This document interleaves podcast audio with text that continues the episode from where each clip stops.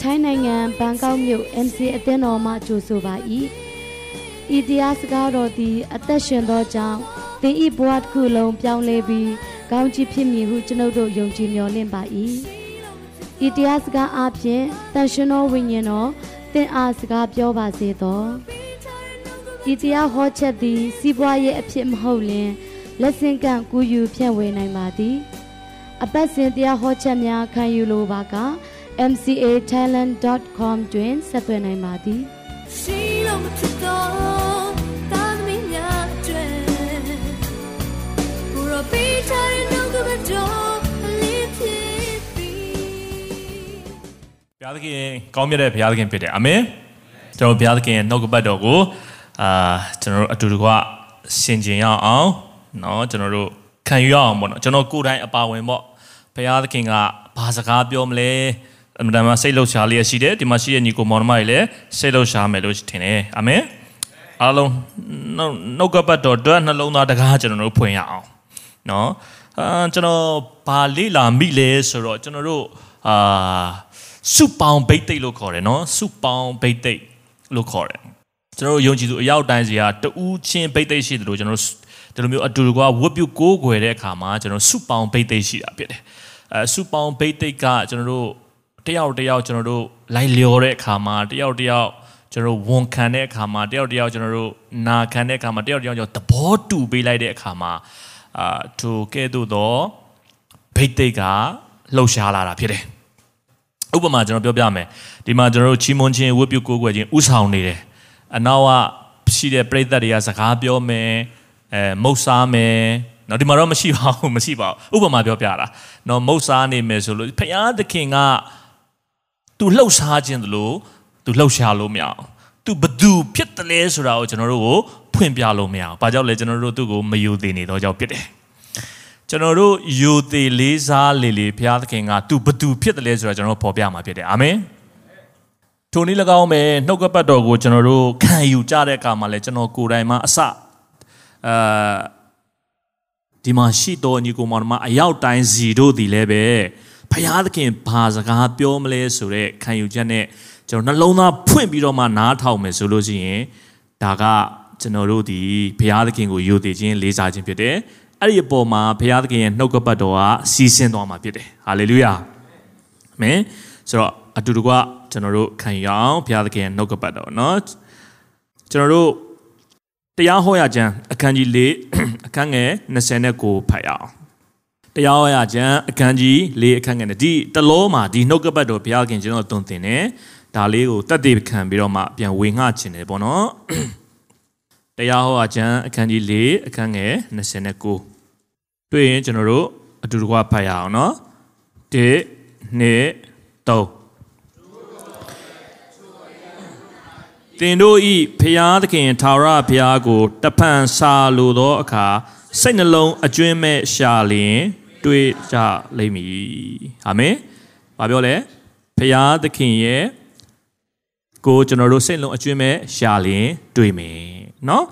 အဲတဲမိုက်၃ပိုက်ကျွန်တော်တို့ဖတ်မယ်ပြီးမှကျွန်တော်ဆွတ်တောင်းမယ်เนาะ34ခုမြောက်သောစာလံအခန်းငယ်30ကိုဖတ်ရအောင်34ခုမြောက်သောစာလံအခန်းငယ်30ကိုဖတ်ရအောင်ရှင်သေး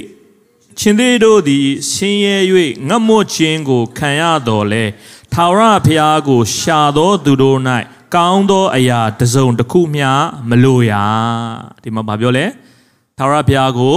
ရှာသောသူတို့၌ကောင်းသောအရာတစ်စုံတစ်ခုမှမလိုရာဘာကြောင့်လဲကောင်းသောအရာတွေနဲ့ပြည့်နေပြီဖြစ်သောကြောင့်ဖြစ်တယ်ရှင်သေးကငတ်ရင်ငတ်သွားမယ်ထာဝရဘုရားကိုရှာသောသူတို့၌ကောင်းသောအရာတစ်စုံတစ်ခုမှ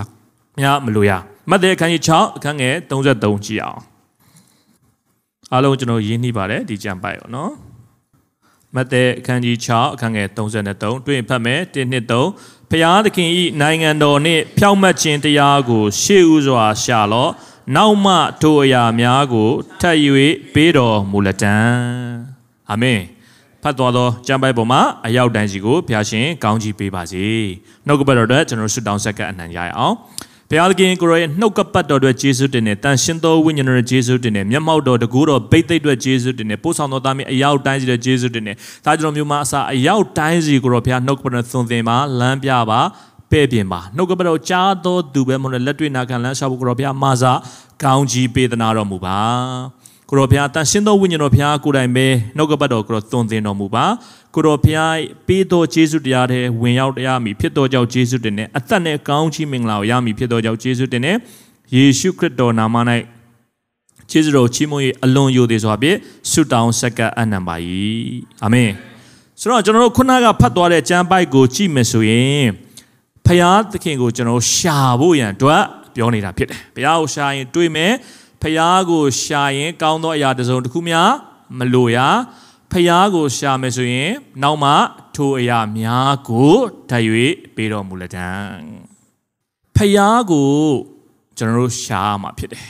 เนาะဖျားကိုကျွန်တော်တို့ဘာကြောင့်ကျွန်တော်တို့ရှာဖို့ရန်အတွက်ကျွန်တော်တို့လိုတာလဲဖျားသခင်ကျွန်တော်တို့ရဲ့အသက်တာထဲမှာသူလှုပ်ခိုင်းတဲ့အရာရှိတယ်အဲ့ဒီအရာကိုကျွန်တော်တို့က သူ့ရဲ့နီလန်းနဲ့သူ့ရဲ့နီလန်းဆိုတာရှိတယ်သူ့ရဲ့နီလန်းနဲ့သူလောက်ခိုင်းတဲ့ပုံစံမျိုးနဲ့ကျွန်တော်တို့ကလောက်ရမှာဖြစ်တယ်သူလောက်ခိုင်းတဲ့ပုံစံနဲ့သူ့နီလန်းနဲ့ကျွန်တော်တို့လုံမခုနကအထက်ကကျွန်တော်ဖတ်သွားသောကျမ်းပိုက်၃ပိုက်ရဲ့ကောင်းကြီးမင်္ဂလာကိုကျွန်တော်တို့ခံစားရမှာဖြစ်တယ်ဖះကိုကျွန်တော်တို့ရှာတဲ့အခါမှာလဲဘာအရေးကြီးလဲဆိုရင် ဒီနှုတ်ကပတ်တော်ကျမ်းပိုက်စာအုပ်ကအမတန်မှအရေးကြီးတယ်။နော်ဖယားကိုရှာလို့ပြောတဲ့အခါမှာဒီတမန်ကျမ်းစာအုပ်ဒီအမတန်မှအရေးကြီးတယ်။ကျွန်တော်တို့ကားတွေမောင်းတယ်ဆိုင်ကယ်မောင်းတဲ့အခါကျရင်ကျွန်တော်တို့ GPS ကိုကျွန်တော်သုံးပါတယ်နော်ဆိုတော့ကျွန်တော်အရှိမဘာဖြစ်မလဲကျွန်တော်တို့အရှိမ language က နော်ဘယ်လိုမျိုးကျွန်တော်တို့ချိုးမလဲအရှိမမီးပွိုင်းရှိသလားအရှိမလမ်းလေးကွာရှိသလားတချို့ဝေးတဲ့နေရာတွေကိုကျွန်တော်တို့ကမမြင်ရဘူးဆိုင်ကယ်မောင်းကမောင်းတဲ့ခါနော်အဝေးဆိုကျွန်တော်တို့မမြင်ရဘူးမျက်စိတလှမ်းဆိုတော့ကျွန်တော်မြင်ရတာပေါ့ဒါပေမဲ့ကျွန်တော် GPS ထဲမှာကျွန်တော်ပြန်ကြည့်လိုက်ရင်တော့နော်ဘလောက်ပဲဝေးဝေးနော်ကျွန်တော်တို့ကအရှိမမီးပွိုင်းရှိသလားအရှိမတရားရှိသလားအရှိမလမ်းကွဲရှိသလားဆိုတော့ကျွန်တော်တို့ကမြင်ရတယ် ထိုနည်း၎င်းမဲ့ကျွန်တော်ရဲ့ဘဝရဲ့အသက်တာထဲမှာဘုရားသခင်လှုပ်ခိုင်းသောအရာတွေရှိတယ်ဆိုတော့အဲ့ဒီအရာတွေကိုကျွန်တော်တို့ကဒီတဘာဝမျက်စိနဲ့ကျွန်တော်တို့မမြင်ရတော့ညာလဲဒီတမန်ကျမ်းစာအုပ်ထဲမှာအားလုံးဘုရားရင်ပေါ်ပြထားပြီဖြစ်တယ်ဟာလေလုယာအာမင်တော့တမဒီဖခင်ကိုကျွန်တော်တို့ကရှာဖို့ရန်အတွက်အမတန်မှအရေးကြီးတယ်ဘုရားကိုရှာတဲ့အခါမှာလည်းပဲ ဖျားသခင်ရဲ့စကားတော်ဒီတမန်ကျမ်းစာအုပ်ဒီအမတန်မှအရေးကြီးတယ်ဆိုတာကိုကျွန်တော်တို့ကအာနော်နားလည်ရပါတယ်နားလည်ရတယ်119ခုမြောက်သောနော်ဆာလံအခန်းငယ်105ကိုကျွန်တော်တို့ကြည့်အောင်နော်ဖျားကိုကျွန်တော်တို့ရှာမယ်ဟုတ်ပြီဖျားကိုကျွန်တော်တို့ဘယ်လိုရှာမလဲ119ခုမြောက်သောဆာလံခန်းငယ်105ကိုကျွန်တော်ကြည့်အောင် တွေ့ရင်ကျွန်တော်တို့ဖတ်ရအောင်တင်းနှစ်သုံးနှုတ်ကပတ်တော်သည်ကျွန်ုပ်ခြေရှိမှမိကွက်ဖြစ်၍ကျွန်ုပ်လမ်းခီးကိုလင်းစေပါ၏အာမင်ဆိုတော့နှုတ်ကပတ်တော်ဒီကျွန်တော်တို့ရဲ့ခြေရှိမှာမိကွက်ဖြစ်တယ်ဒါကြောင့်မို့ကျွန်တော်ရဲ့လမ်းခီးကိုလင်းစေတယ်အောက်ဖို့ကောင်းတယ်နော်မိကွက်လို့ပြောတယ်ဘာကြောင့်ဘုရားကမိကွက်လို့ပြောတာလဲနှုတ်ကပတ်တော်ဒီနော်ကျွန်တော်တို့ရဲ့ ဓမီလို့မပြောနော်နှုတ်ကပတ်တော်ဒီကျွန်တော်တို့ရဲ့ခြေရှိမှာမိကွက်ဖြစ်တယ်လို့ပြောတယ်။ဘာကြောင့်မိကွက်ဖြစ်တယ်လို့ပြောလဲဆိုရင်နှုတ်ကပတ်တော်ကကျွန်တော်တို့ကိုတလန်းချင်းတလန်းချင်းတလန်းချင်းကျွန်တော်တို့ဟာလာလမ်းပြတော်တာဖြစ်တယ်။ဘုရားသခင်နှုတ်ကပတ်တော်ကကျွန်တော်တို့တလန်းချင်းလမ်းပြတာ။ဘုရားသခင်ကကျွန်တော်တို့အကုန်ကျွန်တော်ရဲ့ဘဝတတ္တာမှာသူကျွန်တော်တို့လောက်ခိုင်းတာတွေရှိတယ်။ အဲ့ဒါအကုန်လုံးကိုဘုရားသခင်ကျွန်တော်တို့မပြောထားဘူး။ဒီမှာရှိတဲ့သူတွေဘယ်နှယောက်သိလဲဘုရားခင်ကျွန်တော်တို့ကိုဘာလောက်ခိုင်းလဲအကုန်လုံးသိတယ်အသေးစိတ်သိတယ်နော်အာဘယ်နှယောက်သိလဲကျွန်တော်တို့မသိဘူးနော်ဘာကြောင့်လဲဆိုတော့ဘုရားခင်ကျွန်တော်တို့တလန်းချင်းလမ်းပြတာမိမိကွက်ဆိုရင်တော့ကျွန်တော်တို့ကတလန်းချင်းတလန်းချင်းတလန်းချင်းပဲနော်တွေ့ရတာလေကျွန်တော်ရဲ့အစီမှာအနီးလေးကိုပဲကျွန်တော်တို့တွေ့ရတလန်းလမ်းမှာအဲ့ဒီမိကွက်ရဲ့အလင်းရောင်ကလည်းအရှိကိုတလန်းတိုးသွားတယ် ကျွန်တော်တို့အဲ့လိုမြင်ရတာဓာတ်မိကြတော့ကိုကဒီမှာရှိပေမဲ့အဝေးကိုကျွန်တော်တို့လှမ်းမြင်လို့ရတယ်နှုတ်ကပတ်တော်ကဓာတ်မိလို့မပြောဘူးကျွန်တော်တို့ကိုမိကွက်လို့ပြောတာဖြစ်တယ်ဒါကဘာလဲဆိုရင်ဘုရားသခင်ကျွန်တော်တို့ကိုယုံကြည်ခြင်းနဲ့ရှောက်လန်းခိုင်းစေခြင်းတယ်ဘုရားခင်ကျွန်တော်တို့လှုပ်ခိုင်းတာရှိတယ်အကုန်မပြောပြအောင်ကျွန်တော်တို့တခွန်းလေးကျွန်တော်တို့ပြောပြတာဖြစ်နိုင်တယ်နှစ်ခွန်းပြောပြတာဖြစ်နိုင်တယ်အဲ့ဒါကိုကျွန်တော်တို့က နာခံလန်းလျှောက်သလားအဲ့ဒီနာခံလန်းလျှောက်တဲ့အပေါ်မှာမှဘုရားသခင်ကနောက်ထပ်ကျွန်တော်တို့ကိုဖော်ပြတာဖြစ်တယ်ကျွန်တော်တို့ယုံကြည်ခြင်းရှိသလားကျွန်တော်တို့နာခံခြင်းရှိသလားအဲ့ဒီပုံမှာဘုရားသခင်ပေါ်ကျွန်တော်တို့ယုံကြည်ခြင်းမရှိမရှိဘူးကျွန်တော်တို့ကနာခံခြင်းမရှိဘူးဆိုရင်ဘုရားသခင်ကကျွန်တော်တို့နောက်ထပ်ဖော်ပြလို့မရဘူး။ဘာကြောင့်လဲကျွန်တော်တို့ဖော်ပြလဲကျွန်တော်တို့မနာခံဘူးကျွန်တော်မလုပ်ဆိုတာဘုရားသခင်ကသိတာဖြစ်တယ်။ဒါကြောင့်မို့နော်ကျွန်တော်တို့ကနာခံခြင်းရှိလားယုံကြည်ခြင်းရှိလား အဲ့ဒီပထမဆုံးသူပေါ်ပြတဲ့နှုတ်ဘတစ်လုံးနှလုံးစကားတစ်ခွန်းနှစ်ခွန်းအဲ့ဒါကိုကျွန်တော်တို့ယုံကြည်ခြင်းနာခံခြင်းရှိမှဘုရားခင်နောက်ထပ်နှုတ်ကပတ်တော်တွေကိုထပ်ပြီးတော့မှဖော်ပြလို့ရတာဖြစ်တယ်။နောက်ထပ်နှုတ်ကပတ်တော်တွေကိုဘုရားသခင်ကကျွန်တော်တို့ဒါကြောင့်မို့ကျွန်တော်တို့ကအသက်တာထဲမှာယုံကြည်ခြင်းနဲ့သွားဖို့လိုတယ်။နောက်တစ်ခုကကြတော့စဉ်းစားကြည့်ကျွန်တော်တို့ရုပ်ရှင်တကားလို့ပေါ့ရုပ်ရှင်တကားလို့ပေါ့ကျွန်တော်ကကြည့်တယ် ကြည့်တဲ့အခါမှာဇက်အလယ်ပိုင်းလဲကျွန်တော်တို့တည်သွားပြီးဇက်ဆုံးပိုင်းလဲကျွန်တော်တို့တည်ပြီးဆိုရင်ကျွန်တော်တို့စိတ်လှုပ်ရှားစရာမကောင်းတော့ဘူးရင်ခုန်စရာမကောင်းတော့တွေ့ဘူးလားကြားကျွန်တော်အတွေ့အကြုံရှိမှာပါကျွန်တော်ကရုပ်ရှင်ယုံသွားတယ်ဇက်လန်တက်ကြည့်တယ်ကိုတော့မသိတော့စိတ်လှုပ်ရှားတယ်လေဒါပေမဲ့ဘေးနာရှိတဲ့သူကကြည့်ပြီးတော့သူကဟိုလိုဖြစ်တယ်ဒီလိုဖြစ်တယ်မင်းသားနဲ့မင်းသမီးကဘယ်လိုဖြစ်လဲနောက်အာသူတို့ပြန်ပေါင်းသွားမှာနောက်ဆိုရဲတွေလာပြီးတော့မှနော်အာပြီးသွားမှာပါဆိုပြီးတော့သူတို့ပြောလဲကိုကဘာမှ ဘယ်လိုပြောမလဲခံစားချက်မရှိတော့ဘူးပေါ့နော်အဲ့လိုမျိုးပဲကျွန်တော်တို့အဆအဆုံးသိရင်ရုပ်ရှင်ဇာတ်ကားတစ်ခုမှာနော်ကျွန်တော်ဘာမှစိတ်မလှုပ်ရှားမှုမရှိတော့ဖခင်သခင်နဲ့ကျွန်တော်သွားတဲ့အခါမှာလည်းပဲဖခင်သခင်ကကျွန်တော်တို့အကုန်တီးပြီးတော့မှစိတ်လှုပ်ရှားခြင်းမရှိဘဲနဲ့ကျွန်တော်တို့သူ့နဲ့မသွားစေခြင်းဘူးကျွန်တော်တို့ကိုဖခင်သခင်ကသူ့နဲ့သွားလာတဲ့အခါမှာအမြဲတမ်းစိတ်လှုပ်ရှားသောအသက်တာနဲ့သွားစေခြင်းတော့ကြောင့်အကုန်လုံးကျွန်တော်တို့မဖော်ပြတာဖြစ်တယ်အာမင် ကျွန်တော်တို့နာခံကျွန်တော်တို့ယုံကြည်ခြင်းနဲ့ကျွန်တော်တို့နာခံကျွန်တော်ယုံကြည်ခြင်းနဲ့ကျွန်တော်လမ်းလျှောက်တဲ့အပေါ်မှာဒါလေးတစ်ခုလမ်းလျှောက်ရင်နောက်တစ်ခုဘုရားသခင်ကဆက်ပြီးတော့မှဖော်ပြသွားတယ်ဆိုတာကိုကျွန်တော်တို့နားလည်ရတယ်နော်ဆိုတော့နှုတ်ကပတ်တော်ဒီကျွန်တော်တို့ရဲ့ခြေရှိမှာမိကွက်ဖြစ်၍ကျွန်တော်တို့ရဲ့လမ်းခီးကိုလင်းစေပါ၏ဒါကြောင့်မို့ဘုရားသခင်ကျွန်တော်တို့ဘယ်လိုရှာမလဲဆိုရင်နှုတ်ကပတ်တော်နဲ့ကျွန်တော်တို့ကရှာဖို့ရန်တက်လို့တယ်ဘုရားသခင်ကို နှုတ်ကပတ်တော်နဲ့ကျွန်တော်တို့နှုတ်ကျွန်တော်ရဲ့အသက်တာထဲမှာယုံကြည်သက်တာမှာကျွန်တော်တို့နှုတ်ကပတ်တော်ကိုကျွန်တော်တို့ဖတ်ဖို့ရန်အတွက်ကျွန်တော်တို့လိုပါတယ်နှုတ်ကပတ်တော်ဖတ်ဖို့ရန်အတွက်လိုတယ်ကျမ်းစာထဲမှာပြောတယ်ယေရှုကိုစစ်စစ်ကြည့်လို့ပြောတယ်ယေရှုကျွန်တော်တို့ဘယ်လိုစစ်စစ်ကြည့်ရမှာလဲနှုတ်ကပတ်တော်ကိုကျွန်တော်တို့ကစစ်စစ်ကြည့်တယ်ဆိုရင်ယေရှုကိုကျွန်တော်တို့စစ်စစ်ကြည့်တာဖြစ်တယ်နော်ယေရှုကိုနှုတ်ကပတ်တော်စစ်စစ်ကြည့်ရင်ကျွန်တော်တို့ဒီယေရှုကိုစစ်စစ်ကြည့်တာဖြစ်တယ်ကျွန်တော်နှုတ်ကပတ်တော်ကို ကျွန်တော်ဒီတုတ်တန်ကျမ်းပေါ့နော်တုတ်တန်ကျမ်းအခန်းကြီး၄လေးကိုကျွန်တော်တို့ကျွန်တော်လေ့လာကြည့်တယ်အဲ့ဒီအခန်းเนาะအခန်းကြီးလေးကိုကျွန်တော်လေ့လာကြည့်တယ်မှာဘုရားသခင်ရဲ့နှုတ်ကပတ်တော်ကိုကျွန်တော်ကဖတ်တဲ့အခါမှာကျွန်တော်နားထောင်တဲ့အခါမှာအာယုံစူးစိုက်ပြီးတော့မှကျွန်တော်တို့ကနားထောင်ရမယ်เนาะပြီးတော့မှအဲ့ဒီနှုတ်ကပတ်တော်ကိုကျွန်တော်တို့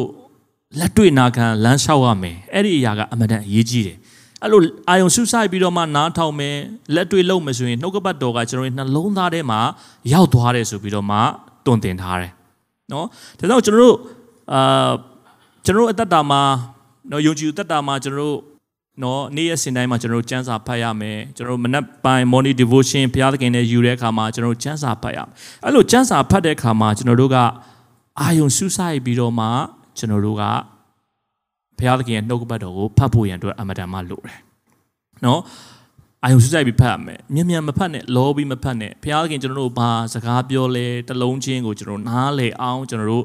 ဟိုဖတ်ပါအများကြီးပြီးစီဟာကျွန်တော်တို့မလိုဘူးနော်နည်းနည်းလေးနဲ့သဘောပေါက်ပြီးတော့မှအဲ့ဒီမနက်မှာကျွန်တော်တို့စကားရသွားဖို့ကအမတန်အရေးကြီးတယ်နော်ပြီးတော့မှကျွန်တော်တို့ကိုဘုရားသခင်ကဘယ်လိုစကားပြောနိုင်လဲဆိုတော့ဒီနှုတ်ကပတ်တော် အားဖြင့်ဘုရားကိုကျွန်တော်ရှာတယ်လို့ပြောတော့မှာကိုကိုတိုင်းဘုရားသခင်ရဲ့နှုတ်ကပတ်တော်ဖတ်ပြီးတော့မှ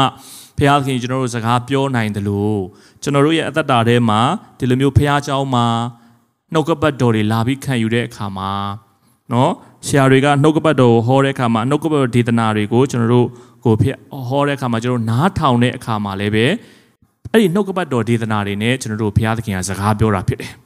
နှုတ်ကပတ်တော်ဒေသနာကိုကျွန်တော်တို့နားထောင်တဲ့အခါမှာလည်းပဲကျွန်တော်တို့အာယုံစူးစိုက်ပြီးတော့မှကျွန်တော်တို့နားထောင်ဖို့ရန်အတွက်အမတန်မှလိုတာဖြစ်တယ်နော်မနက်ကဆရာသိန်းလွင်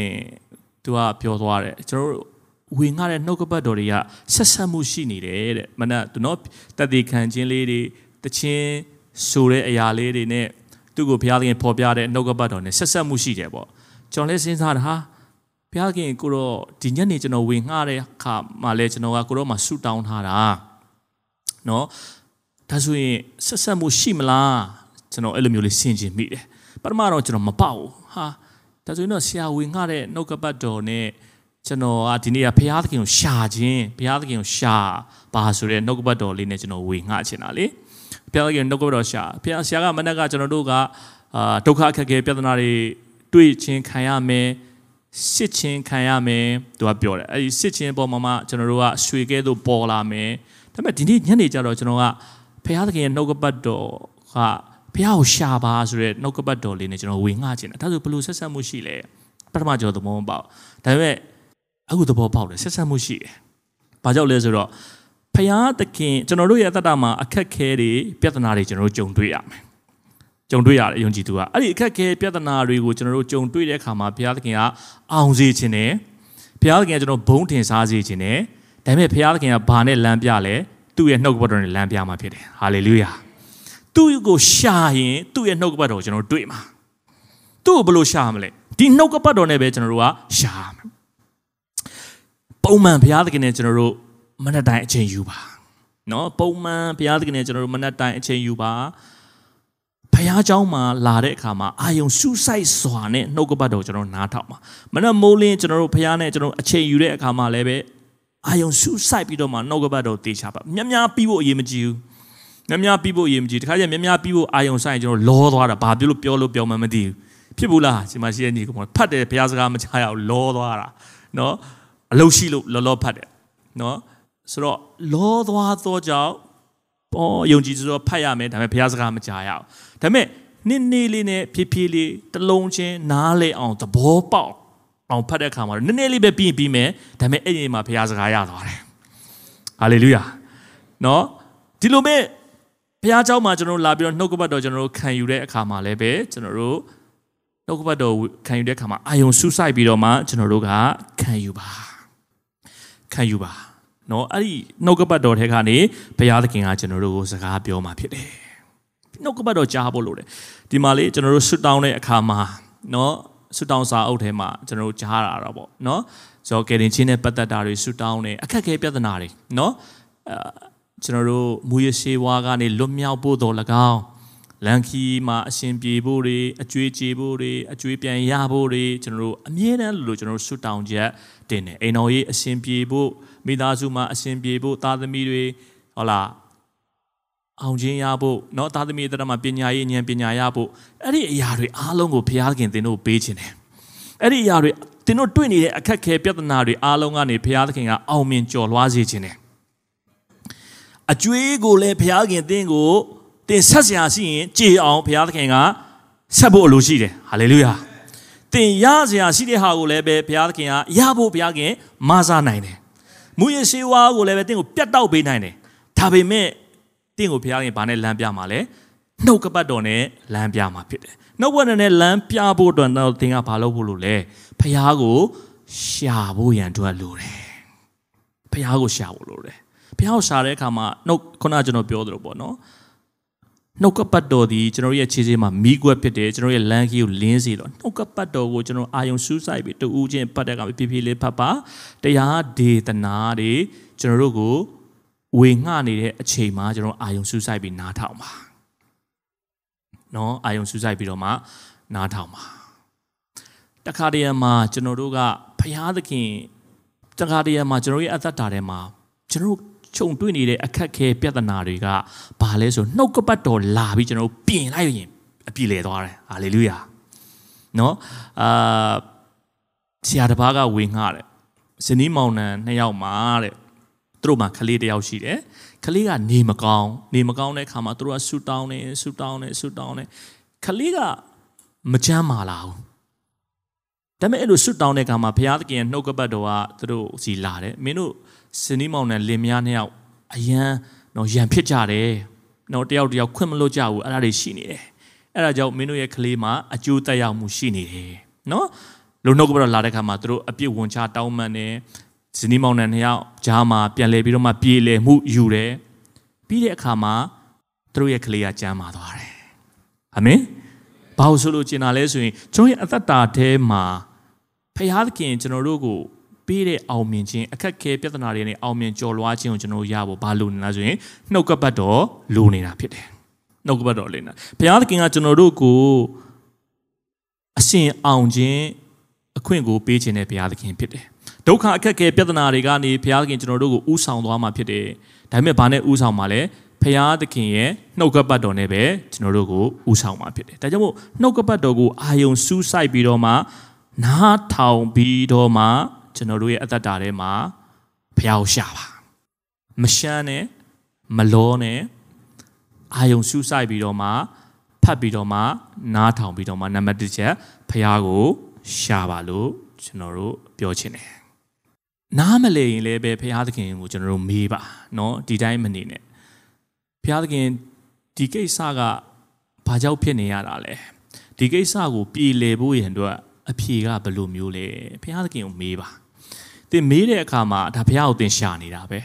ချက်ချင်းသင်အဖြေရခြင်းမရမယ်တခါကျရင်လည်းဘုရားခင်ချက်ချင်းအဖြေပေးတာဖြစ်တယ်တခါကြလို့ရှိရင်လည်းပဲသင်စံစာဖတ်တဲ့အချိန်မှာသင်တို့အသင်ကိုဘုရားခင်အဖြေပေးတာဖြစ်တယ်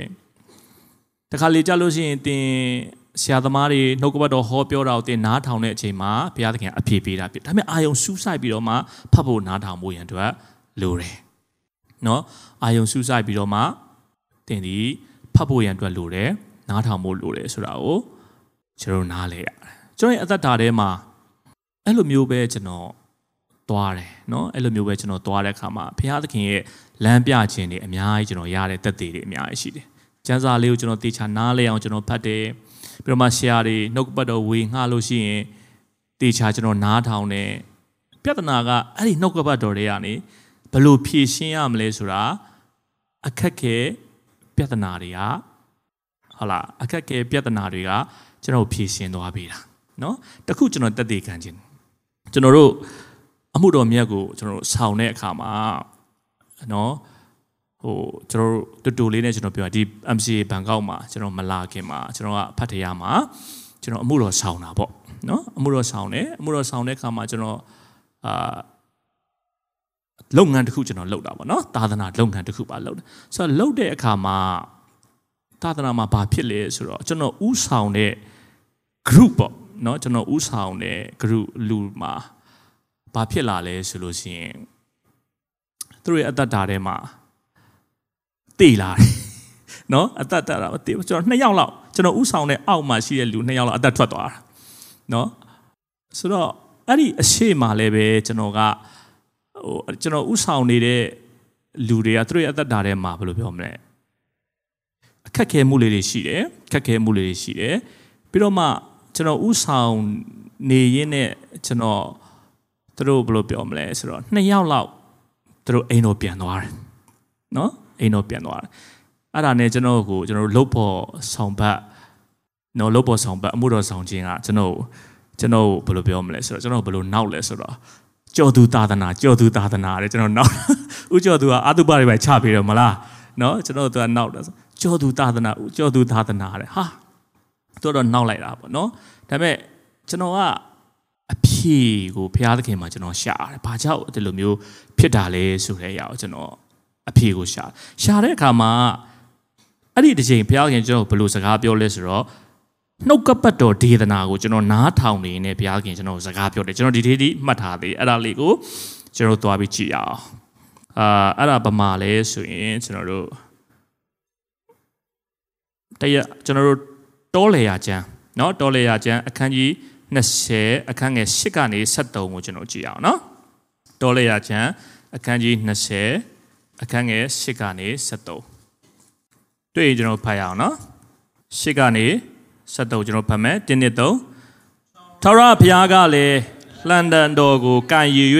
သင်၏အကိုအာယုံပါလျက်ပြိဿတ်များကိုစုဝေးစေလော့ တင်တို့ရှေ့မှာကြောက်ကိုမှားထားလော့ ကြောက်သည်မိမိရေကိုပေးလိုက်မည်ထို့သောတင်သည်ကြောက်သေးကရေကိုထွက်စေ၍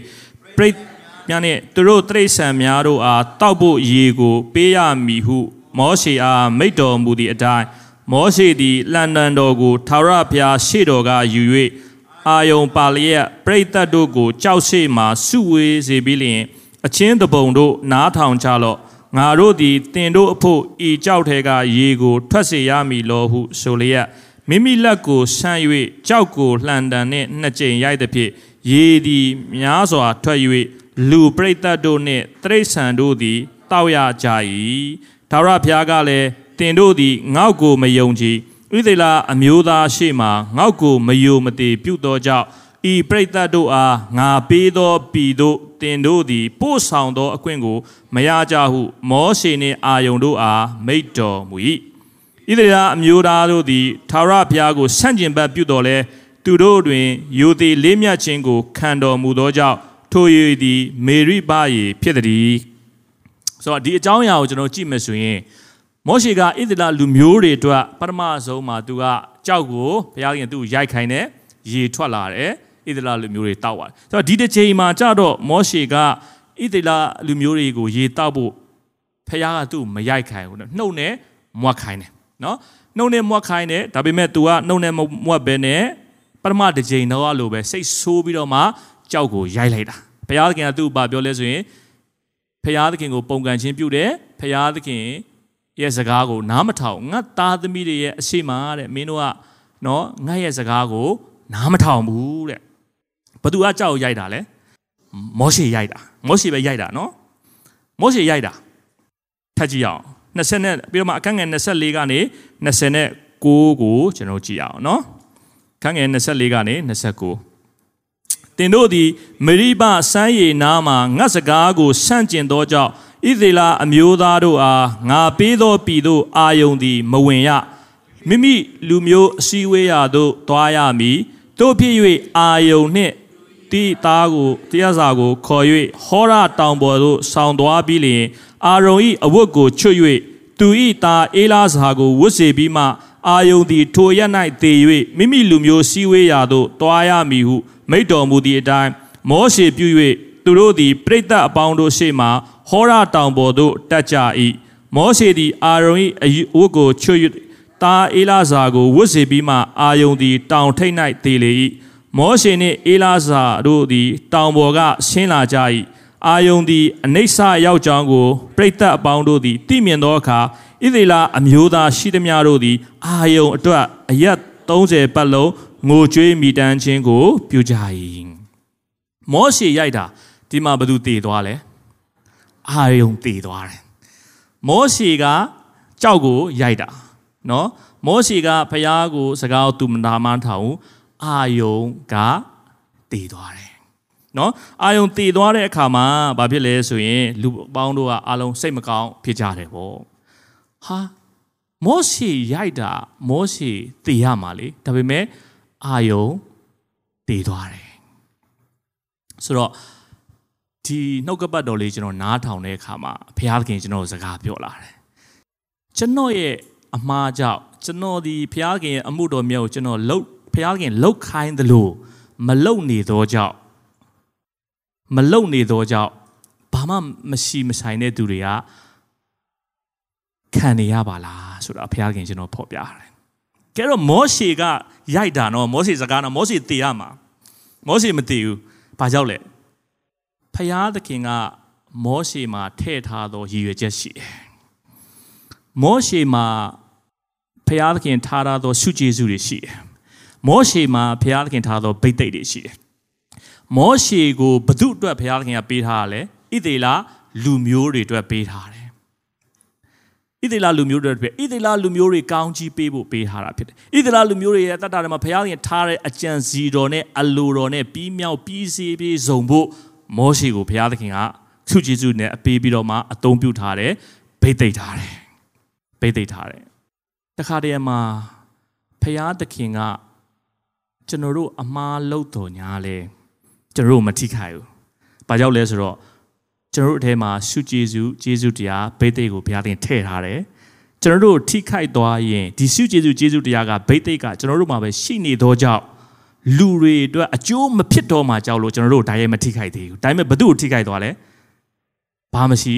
ဘာမဆိုင်တဲ့အာယုံကိုထိခိုက်သွားတယ်ကျွန်တော်အဲ့ဒီမှာကျွန်တော်ဟာသဘောပေါက်သွားအော်ငါရဲ့ ဟိုဘယ်လိုပြောမလဲငါရဲ့ဖះသခင်ငါအမှုတော်တော့ဆောင်နေတာပဲငါကဖះသခင်လောက်ခိုင်းတဲ့အရာကိုဖះသခင်လောက်ခိုင်းသောနီးနဲ့ငါမလောက်တာများရှိနေလားဆိုတော့ဖះသခင်ကကျွန်တော်ပြောတယ်ရှိတယ်ရှိတယ်ရှိတော့ကြောင့်ကျွန်တော်ကမခံရသေးဘူးကျွန်တော်မခံရသို့တော်လည်းကျွန်တော်ဥဆောင်တော့သူကခံတော့ဒီမှာလဲမောရှေကဒီတိုင်းပဲ မောရှေကတော့မခံရဘူးဒါပေမဲ့ဘယ်သူခံရသွားလဲအာယုံခံသွားဘာကြောင့်လဲဆိုတော့မောရှေမှာဘုရားရင်ထားတော့ရည်ရွယ်ချက်ရှိတယ်ဣသရေလလူမျိုးတွေထားမှာရည်ရွယ်ချက်ဒီရည်ရွယ်ချက်ကိုဘုရားရင်မပြတ်စေခြင်းဘူးဒါပေမဲ့ဂျားတွေကအာယုံကခံသွားတယ်ဒါကြောင့်အဲ့ဒီမှာလူတွေနှစ်ယောက်လောက်ခရစ်တော်နဲ့ပြန်သွားတဲ့အခါမှာကျွန်တော်စဉ်းစားတယ်ကျွန်တော်ရှင်းချင်းတယ်ကျွန်တော်ဘုရားနဲ့တိုင်မင်းတယ်ဘုရားကိုကျွန်တော်ရှာတယ်ရှာတဲ့အခါမှာ နှုတ်ကပတော်ဒေသနာတပုတ်ကိုကျွန်တော်နားထောင်တဲ့အခါမှာဘုရားသခင်ကကျွန်တော်စကားပြောလာတယ်ကျွန်တော်ကသူတို့ဥဆောင်နေတာလေကျွန်တော်ကဘုရားခိုင်းလို့ကျွန်တော်မလုပ်မလုပ်တော့ကျွန်တော်ထိရမှာပေါ့ဒါပေမဲ့ကျွန်တော်မထိဘူးဒါပေမဲ့ဘုရားသခင်ကျွန်တော်မှထားတဲ့ရည်ရွယ်ချက်ရှိတယ်ဘုရားသခင်ကျွန်တော်မှထားတဲ့အကြံစီရှိတယ်ဒီဆုကျေးဇူးရှိတယ်လူတွေကိုဘုရားခင်အဲ့ဒီဆုကျေးဇူးနဲ့ဘုရားခင်ဘိသိက်ပေးဘိသိက်ကောင်းကြီးပေးခြင်းနေတယ်ကျွန်တော်ဘုရားခင်ကြွယ်ကာထားတယ်ဒါပေမဲ့ကိုဥဆောင်တဲ့သူကဘာဖြစ်သွားလဲထိသွားတယ် ကိုဥဆောင်တဲ့သူကဘာဖြစ်လဲထိသွားတယ်ဆိုတော့အဲ့ဒီနှုတ်ကပတ်တော်စကားလေးကိုဘုရားသခင်ကျွန်တော်စကားပြောတဲ့အခါမှာကျွန်တော်ရှင်းကျင်ပြီးတော့မှဘုရားရဲ့မျက်နှာကိုကျွန်တော်ရှာတယ်ကျွန်တော်လုပ်နေတဲ့လုပ်ငန်းကိုကျွန်တော်ပြင်တယ်ပြင်တဲ့အခါမှာဘုရားသခင်ရဲ့ကောင်းကြီးမင်္ဂလာတွေကဘုရားသခင်ရဲ့လမ်းတဲ့မှတ်ခြင်းတွေကပြန်ရောက်လာတာဖြစ်တယ်ဟာလေလုယာဟာလေလုယာဘာလို့ကျွန်တော်ဆိုလိုချင်တာလဲဒီမှာရှိတဲ့ညီကိုမောင်မရဲ့ ပြဿနာတော်တော်များများကဘုရားနှုတ်ကပတ်တော်လိုနေတာဖြစ်တယ်ဒါပေမဲ့ကျွန်တော်တို့ကဘုရားရဲ့နှုတ်ကပတ်တော်ကိုမခံယူမိဘူးကျွန်တော်တို့ဘုရားရဲ့နှုတ်ကပတ်တော်ကျွန်တော်မရှာမိဘူးဘုရားကိုကျွန်တော်တို့မရှာဘူးကျမ်းစာနဲ့ကျွန်တော်တို့မရှာဘူးဒီကျမ်းစာနဲ့ကျွန်တော်တို့မရှာဘူးနှုတ်ကပတ်တော်ကျွန်တော်အာယုံဆူဆိုင်ပြီးတော့မှကျွန်တော်နားမထောင်တဲ့အခါမှာဘုရားနှုတ်ကပတ်တော်ကကျွန်တော်လမ်းပြလို့မရဘူးဒါပေမဲ့ကျွန်တော်ကဒေသနာကိုကျွန်တော်က ဒီဒေသနာလေးကိုကျွန်တော်နားထောင်တဲ့အခါမှာကျွန်တော်အာယုံဆူဆိုင်ပြီးနားထောင်လိုက်တဲ့အခါမှာကျွန်တော်ရဲ့အတ္တမှာပြင်ရမယ့်အရာဘုရားရဲ့အလုပ်ကိုကျွန်တော်လုပ်နေတဲ့ပုံစံပြင်ရမယ့်အရာကိုကျွန်တော်ပြင်လိုက်တဲ့အခါမှာဘုရားသခင်ရဲ့ကောင်းကြီးမင်္ဂလာကရောက်သွားတယ်နော်ဒါကြောင့်မို့လို့ကျွန်တော်ရဲ့အတ္တမှာနံပါတ်1ချက်ဘုရားကိုကျွန်တော်တို့ရှာပါဘုရားရဲ့နှုတ်ဘုရားရဲ့နှုတ်ကပတ်တော်ကိုကျွန်တော်တို့ဖတ်ပြီးတော့မှကျွန်တော်တို့ရှာပါ ပြီးတော့မှကျွန်တော်တို့ဒေသနာတွေကိုကျွန်တော်အာယုံစူးစိုက်ပြီးတော့မှကျွန်တော်နားထောင်ခြင်းအဖြစ်ကျွန်တော်တို့ရှာရမှာဖြစ်တယ်နောက်တစ်ခုကကြတော့ကျော်ရဲ့အသက်တာထဲမှာယုံကြည်သူရဲ့အသက်တာထဲမှာကျွန်တော်တို့အစာဆောင်ခြင်းဆူတောင်းခြင်းအဖြစ်လည်းဖះကိုကျွန်တော်ရှာဖို့လိုတယ်ပုံမှန်ပေါ့နော်အမှုတော်ဆောင်တွေပဲကျွန်တော်လုပ်ရမှာမဟုတ်ဒီလိုမျိုးလေးကိုကျွန်တော်တို့ကျွန်တော်အသင်းတော်မှာလည်းအစာဆောင်ခြင်းအဲကျွန်တော်တို့ဆွတောင်းခြင်းနော်ကျွန်တော်တို့တတ်မှတ်ထားတာရှိပါဒါလေးနဲ့လည်းကျွန်တော်တို့ရှောင်ဖို့ရန်အတွက်လိုတယ် ဒိန်လအခန်းကြီး9ဒိန်လအခန်းကြီး9မှာကျွန်တော်တို့ကြည့်အောင်နော်ဒိန်လအနာဂတိကျမ်းမှာနံပါတ်1ချက်ဘုရားဘယ်လိုရှာမလဲနှုတ်ကပတ်တော်အာယုံဆုဆိုင်ပြီးတော့မှဖတ်ပြီးရှာပါတရားဒေသနာတွေကိုကျွန်တော်တို့နားထောင်တဲ့အခါမှာအာယုံဆုဆိုင်နားထောင်ပြီးတော့မှကျွန်တော်တို့ရှာပါဆိုတော့ကျွန်တော်ရဲ့အခက်အခဲပြဿနာကကျွန်တော်တရားဒေသနာအာယုံဆုဆိုင်ပြီးနားထောင်တဲ့အခါမှာလမ်းပြခြင်းလာသွားတယ်လမ်းပြလိုက်ကျွန်တော်ပြင်လိုက်တဲ့အခါမှာဘုရားသခင်ကနော် အမှုတော်မြတ်တဲ့မှာဆက်ပြီးတော့မှလမ်းပြတဲ့အရာကိုကျွန်တော်ရတာဖြစ်တယ်နော်ဒေလအခန်းကြီး6ကိုကျွန်တော်တို့ကြည့်အောင်ဒေလအခန်းကြီး6အခန်းငယ်1ကနေ3တိနော်တွေ့ရင်ကျွန်တော်အတူကဖတ်ရအောင်1နှစ်3ကျေးဇူးဖတ်လို့ရမလား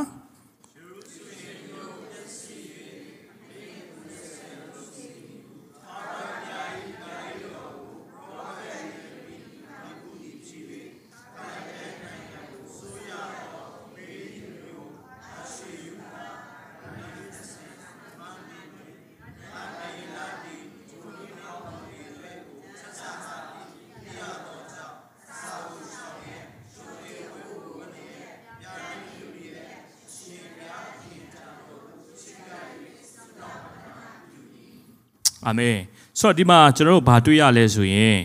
ဒန်လီလာရဲ့အသက်တာထဲမှာယေရှုလင်မြို့ပျက်စီးမယ်ဆိုတော့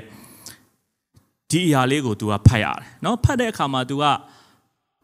တေချာနားမလဲဘူးဒီအရာเนาะတေချာနားမလဲတဲ့အခါမှာ तू ကအစာဆောင်ရှုတောင်းတယ်ဆိုတာကိုကျွန်တော်တို့တွေ့ရပါတယ်ဆိုတော့ဒါဆိုရင်ကျွန်တော်တို့အာဒန်ယေလအခန်းကြီးเนาะကျွန်တော်တို့30အခန်းငယ်7ကနေ73ထိကျွန်တော်တို့ဖတ်ရအောင် ဒန်ယေလအခန်းကြီး30 7ကနေ73ထိကျွန်တော်တို့ဖတ်ရအောင်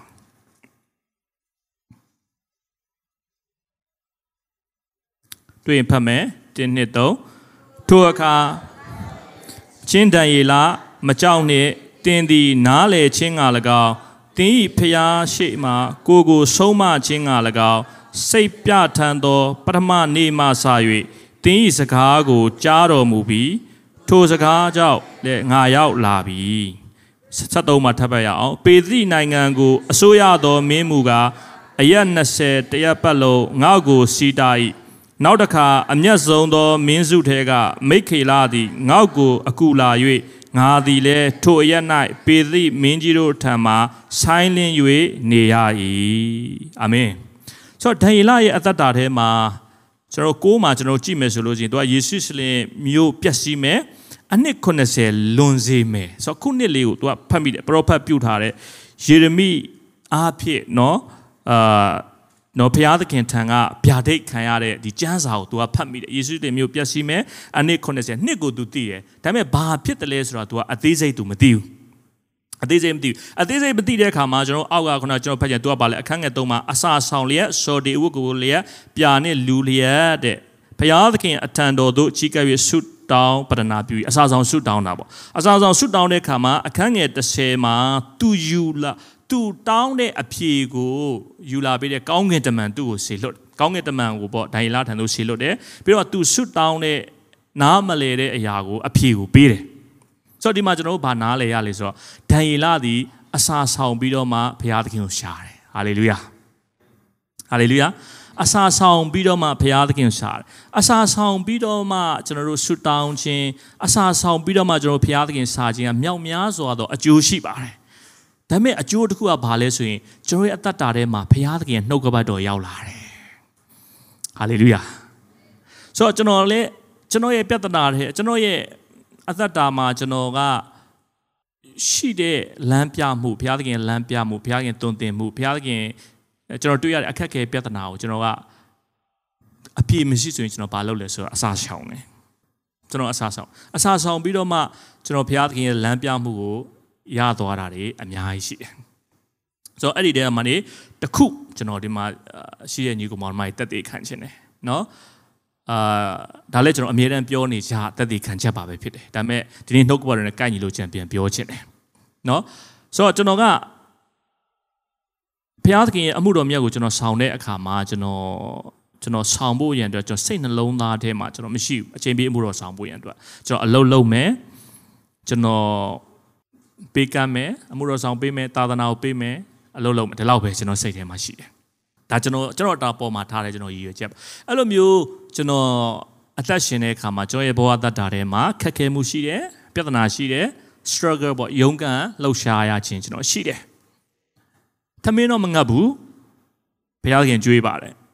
ပတ်စံရတယ်ဒါပေမဲ့လက်ထဲမှာပတ်စံမတင်ဘူးเนาะအဲ့ဒီလိုမျိုးကျွန်တော်ဖြစ်တယ်ဘာလို့လဲကျွန်တော်ကိုဘုရားခင်ထားတဲ့ရည်ရွယ်ချက်နဲ့ကျွန်တော်အသက်ရှင်တဲ့ရည်ရွယ်ချက်ကတခြားစီဖြစ်နေယောနာလို့ပေါ့ပြောမယ်ဆိုတော့ယောနော်ယောနာကဘုရားသခင်ကသူ့ကိုနိနေဝေမျိုးသွားခိုင်းတာသူကမသွားဘူးတခြားမျိုးသူသွားတယ်အဲ့ချိန်မှာဒုက္ခအခက်ခဲပြဿနာတွေဖြစ်တယ် နော်ဆိုတော့ကျွန်တော်ခရစ်ယာန်တောက်လျှောက်ကျွန်တော်2009ကနေကျွန်တော်ခရစ်တော်ခရစ်တော်ကျွန်တော်ယုံကြည်လက်ခံတယ်2000နဲ့အဲ6မှာပေါ့ကျွန်တော်3လတင်တယ်3လတင်တယ်တက်တက်လဲကျွန်တော်အမှုတော်ဆောင်ဖို့ကျွန်တော်တက်တာမဟုတ်ခုနကလိုပေါ့အလုပ်လုပ်မယ်နော်အလူငွေပေးမယ်ရိုးရိုးလေးနဲ့ရှင်းရှင်းပြောအဲ့လိုရောက်ပဲကျွန်တော်ရဲ့ရည်ရွယ်ချက်ကနော်ပြီးတော့မှကိုယ့်ရဲ့မိဘတွေကိုနော်ကိုအင်္ဂလိပ်တရားကိုပြောမယ်ဒီလောက်ပဲကျွန်တော်ရှိတယ်ဒါပေမဲ့ဘုရားသခင်ရဲ့ရည်ရွယ်ချက်ကကျွန်တော်မှာပါရှိလဲဆိုရင် အချိန်ပြည့်အမှုတော်ဆောင်ဖို့ဖြစ်နေတယ်ဟာလေလုယာဆိုတော့ကျွန်တော်ရုန်းကန်လာတဲ့အခါမှာဒီမှာကျွန်တော်၃လတင်တန်းတက်တဲ့အခါမှာအစာဆောင်ခြင်းနဲ့ပတ်သက်တွေလည်းကျွန်တော်တို့တင်ရတယ်လေတင်ရတဲ့အခါမှာကျွန်တော်တို့ပေါ့ကျွန်တော်အစာဆောင်ပြီးကျွန်တော်ရှုတောင်းတယ်နော်အခက်ခဲတွေဖြစ်တဲ့အခါမှာကျွန်တော်အစာဆောင်ပြီးဆွတောင်းတဲ့အခါမှာကျမ်းစာတစ်ဖက်ကိုကျွန်တော်တွတ်ဖတ်မိတယ်အဲ့ဒါကဘာလဲဆိုတမန်တော်မိုးထုထဲမှာပေါလုကို ဖရာသခင်ကပြောတာအဲ့ဒီကျမ်းပိုက်ကိုအရင်တော့ကျွန်တော်ဖတ်ပူပါတယ်ဒါပေမဲ့အဲ့လိုဖွင့်ပြခြင်းမရအောင်ဒါပေမဲ့အစာဆောင်ပြီးကျွန်တော်ဆွတောင်းတဲ့အခါမှာတော့ဖရာသခင်ကဖွင့်ပြတယ်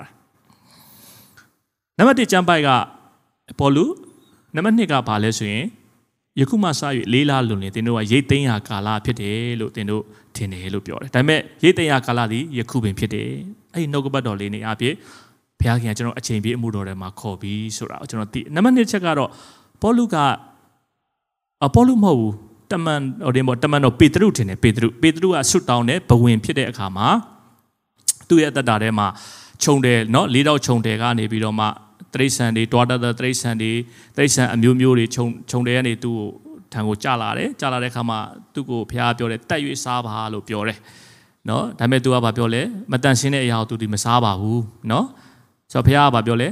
ဘုရားသခင်တန်ရှင်းစေတဲ့အရာကိုမတန်ရှင်းလို့မတတ်မှတ်ရအဲ့ဒါနဲ့သူကသွားပြီးအင်္ဂလိပ်ဟောတယ် ကောနီလိနဲ့နော်တက်မှုကောနီလိနဲ့သူ့ရဲ့အိမ်သူအိမ်သားအိမ်သူမိသားစုတွေကယ်တင်ခြင်းကိုရသွားတယ်ဆိုတော့အဲ့ဒီအဖြစ်တမရိပေတရုကအင်္ဂလိပ်တရားတော်ဟောရတဲ့အခါမှာလဲလူတွေပြောင်းလဲတယ်တပါးမျိုးသားတွေသူဟောတယ်ဘုရားသခင်သူ့ကိုပေးတယ်ပေါ့အဲ့လိုမျိုးဘုရားသခင်ကကျွန်တော်ဖော်ပြပြီးကျွန်တော်ကိုလည်းပဲဘုရားသခင်ကအဲ့လိုမျိုးအင်္ဂလိပ်တရားဟောဖို့ဘုရားသခင်ရဲ့အမှုတော်မြတ်တယ်မှာကျွန်တော်ဆောင်ရွက်ဖို့ဘုရားခင်ခေါ်ထားတယ် ရိတ်သိမ်းရကာလဆိုတဲ့ကြံပိုက်ယခုပင်ရိတ်သိမ်းရကာလဖြစ်တယ်ဆိုတဲ့ကြံပိုက်နဲ့ကျွန်တော်ဒီအင်္ဂလိပ်တရားဟောပြီးတော့မှရိတ်သိမ်းရမယ်ဆိုပြီးတော့မှဘုရားသခင်ကသူ့ရဲ့အမှုတော်မြတ်တယ်မှာခေါ်ထားတယ်ဆိုပြီးတော့မှကျွန်တော်ကိုဖော်ပြတယ်ဆိုတော့အချုပ်ပြောရမယ်ဆိုတော့အဲ့ဒီကြံပိုက်နှစ်အပိုက်အပြည့်ဘုရားခင်ကျွန်တော်ကိုအချိန်ပြည့်အမှုတော်မြတ်ထဲမှာခေါ်ထားတယ်ဆိုတဲ့အရာလေးကိုဘုရားသခင်ဖော်ပြလာတယ်အဲ့လိုမျိုးအစားဆောင်ဆူတောင်းတဲ့အခါမှာဆိုတော့ကျွန်တော်ရည်ရွယ်ချက်ပြောင်းလိုက်ရတယ် ရည်ရွယ်ချက်ပြောင်းလိုက်ရတယ်လုံးလုံးအချိန်ပြမှုတော်ဆောင်ဖို့ရန်အတွက်အစားတွေကနှလုံးသားထဲမှာမရှိဘူးဒါပေမဲ့အစာဆောင်ဆွတ်တောင်းခြင်းအဖြစ်ဖခင်ရဲ့မျက်နှာကိုရှာတယ်အဲ့ဒီချမ်းပိုက်နှစ်ပိုက်ရောက်လာတယ်ရောက်လာတဲ့အခါမှာဖခင်ကိုတော်ခေါ်ထားရင်တော့ကျွန်တော်အမှုတော်ဆောင်ပါမယ်လို့ဆုံးဖြတ်ချလိုက်တဲ့အခါမှာပထမဆုံးကျွန်တော်နှလုံးသားထဲမှာရောက်လာတာငြိမ်သက်ခြင်းဖြစ်တယ်ဟာလေလုယာမနက်ကတင်းတန်းသားလည်းပဲနှုတ်ကပတ်တော်သူเนาะသူတက်သေးခံသွားဘာလို့လဲငြိမ်သက်ခြင်းရတယ်နောက်ပြီးတော့ဘာဖြစ်လာလဲဝမ်းမြောက်ခြင်းရသွား ပြောလို့ဘလို့ပြောလို့ကိုပြောလို့ပြောမတတ်ဘူးအဲ့ဒီရတဲ့ညီသက်ချင်းရလေအဲ့ဒီဝုံမြောက်ခြင်းပေါ့ပါလန်းဆန်းဝုံမြောက်ဝုံနေပေါ့သွားတယ်လို့မျိုးပဲတကယ်ဆိုတော့အဲ့လိုမျိုးကျွန်တော်ဖြစ်စရာအကြောင်းမသိဘူးဘာဖြစ်လို့ကျွန်တော်အမှုတော်မြတ်တဲ့ဝင်လို့ရှိရင်အလုတ်ကိုကျွန်တော်နားမယ်ဆိုလို့ရှိရင်ကျွန်တော်ရဲ့မိခင်ကိုကျွန်တော်ထောက်ပံ့ရမယ်ကျွန်တော်မထောက်ပံ့နိုင်တဲ့အခြေအနေရှိတယ်ဆိုတော့ကျွန်တော်မိခင်ကလည်းအဲ့တော့ကျမ်းမာရေးကြောင့် သူကရှေးကုသနေရတဲ့အချိန်ဖြစ်တယ်မိခင်ကိုကျွန်တော်ထောက်ပံ့ခြင်းနဲ့အလုပ်လုပ်ခြင်းနဲ့အဲ့ဒီစိတ်သဘောထားရှိတယ်ဆိုတော့မိခင်မထောက်ပံ့ရဘူးဆိုလို့ရှိရင်တော့စိတ်ထဲမှာဝန်းမြောက်စရာငြိမ်သက်စရာလုံးဝမရှိဘူးလေနော်ဒါပေမဲ့ဖခင်ရဲ့အလိုတော်ကိုဝန်ခံလိုက်တဲ့အခါမှာဝန်ခံလိုက်တဲ့အခါမှာပထမဆုံးရောက်တာတခြားဟာမရောက်ငြိမ်သက်ခြင်းရောက်တယ်ဝန်းမြောက်ခြင်းရောက်တယ်ပြီးတော့ကျွန်တော်ရဲ့မိခင်ကိုလည်းဖခင်တိတ်ကြရလှုပ်သွားတယ်ဟာလေလုယာ အရင်တော့ကိုကမလုံနိုင်ဘူးကိုရဲ့မိခင်ကိုနော် struggle ဖြစ်နေဘုရားရဲ့အလိုတော်ကနေဖြစ်ဒါပေမဲ့ဘုရားရဲ့အလိုတော်ဝင်ခံလိုက်တဲ့အခါမှာကျွန်တော်ရဲ့မိခင်ကိုဘုရားခင်တိတ်ကြရလောက်သွားတယ်ပြီးတော့မှအမှုတော်ဆောင်ဖို့ရန်အတွက်လမ်းများတကားများဖွင့်တယ်လိုအပ်တဲ့ငွေကြေးတွေအားလုံးဘုရားခင်ပြင်ဆင်ပေးတယ်ဟာလေလုယာဟာလေလုယာဆိုတော့ဘုရားခင်ဖွင့်တဲ့တကားတစ်ခုပေါ့ပြောရမှာဆိုအဲ့ဒီအချိန်ကကျွန်တော်တို့ဘုရားခင်ဘာလို့ဘာတကားဖွင့်လဲဆိုတော့ကျမ်းစာကြောင်းတက်ဖို့ရန်အတွက်ဘုရားခင်တကားဖွင့်တယ် နော်ကျွန်တော်တက်ဖို့ပြတဲ့အခါမှာကျွန်တော်တို့ပြန်စဉ်းစားကြည့်တဲ့အခါမှာကျွန်တော်တို့ကဓမ္မမိတ်ဆွေရပြောင်းလဲတာလေဓမ္မဆွေရပြောင်းလဲလာတဲ့အခါမှာကိုကဟိုဘယ်လိုပြောမလဲ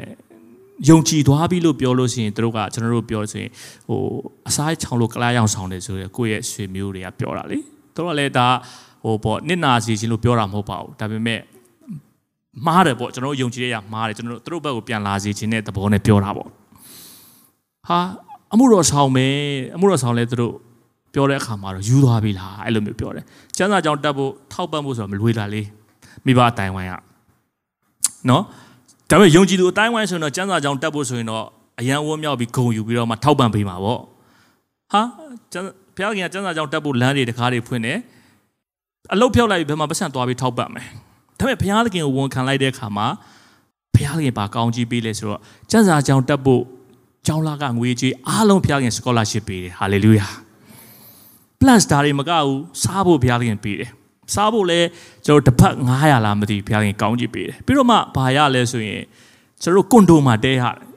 ကျွန်တော်တက်တဲ့ခါမှာယူရီးယားတွေနဲ့ကျွန်တော်တို့ပေါင်းပြီးတော့မှကျွန်တော်တက်ရတက်ရတဲ့ခါယူရီးယားတွေကသူတို့အိမ်နဲ့သူတို့နေရတာဟိသူတို့အဝေးသူတို့မနက်မိုးလင်းကြလို့ကျောင်းကျန်းစာကျောင်းက7နိုင်9နိုင်ဆိုအချိန်တက်ပြီးဆိုတော့သူတို့က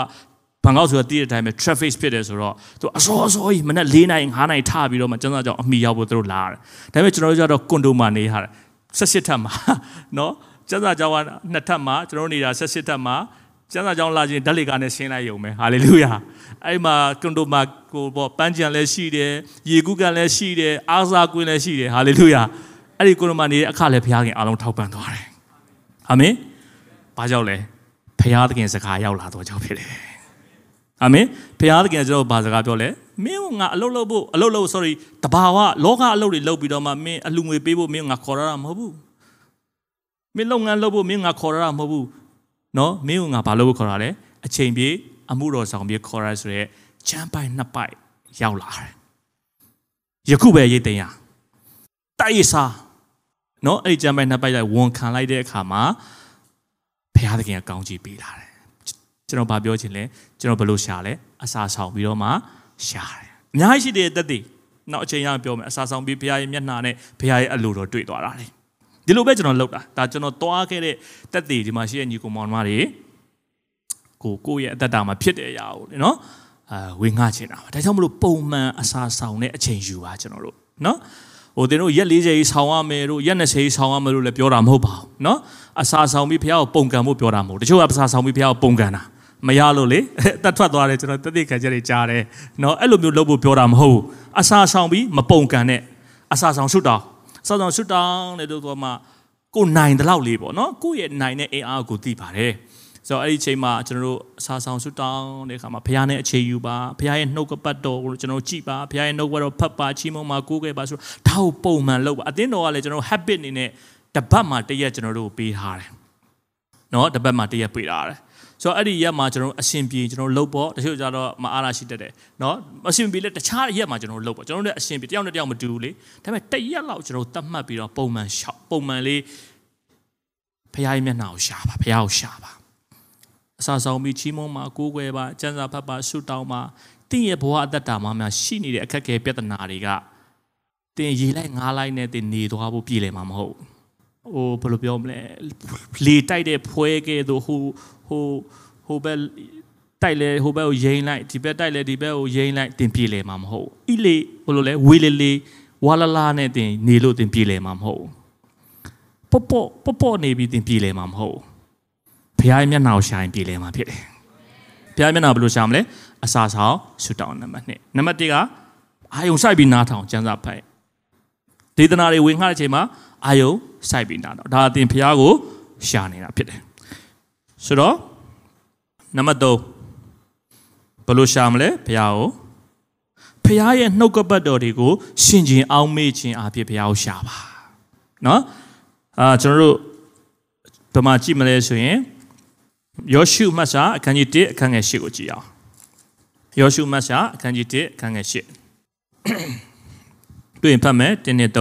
ထိုပညတိကျမ်းစာ၌ရေးထားသမျှအတိုင်းကြင့်မိဟုစောက်စောက်ခြင်းအလိုငါ ကျမ်းစာကိုမရွတ်ပဲမနေနေညာမပြတ်ကြည့်ရှုဖတ်ရရမည်တို့ပြုလျင်သင်သည်အကြံထားမြောက်၍အောင်မြင်လိမ့်မည်ဟာလေလုယာဆိုတော့ဒီကျမ်းပိုက်ကကျွန်တော်ပြောမယ်ဆိုလို့ရှိရင်နှုတ်ကပတ်တော်ကျွန်တော်ရှင်းချင်းအောင်မေးဖို့ပြောတာဖြစ်တယ်နှုတ်ကပတ်တော်ကျွန်တော်ရှင်းချင်းအောင်မေးမယ်ကျွန်တော်နှုတ်ကပတ်တော်ကျွန်တော်ရှင်းချင်းအောင်မေးမယ်ဆိုရင်ဘုရားရဲ့နှုတ်ကပတ်တော်ကျွန်တော်တို့ကလက်တွေ့နာခံလမ်းလျှောက်ဖို့ခွန်အားရမယ်အဲ့ဒါအပြင် plus ဒီမှာဘုရားသခင်ကဘာခွန်အားပေးလဲဆိုတော့သို့ပြုလျင်သင်သည်အကြံထမြောက်၍အောင်မြင်လိမ့်မည်ဟာလေလုယာဘယ်အချိန်မှာအောင်မြင်မှာလဲနေညာမပြတ်နေညာမပြတ်ကြည်ရှုဖတ်ရွတ်တဲ့အချိန်မှာအကြံထမြောက်မှာ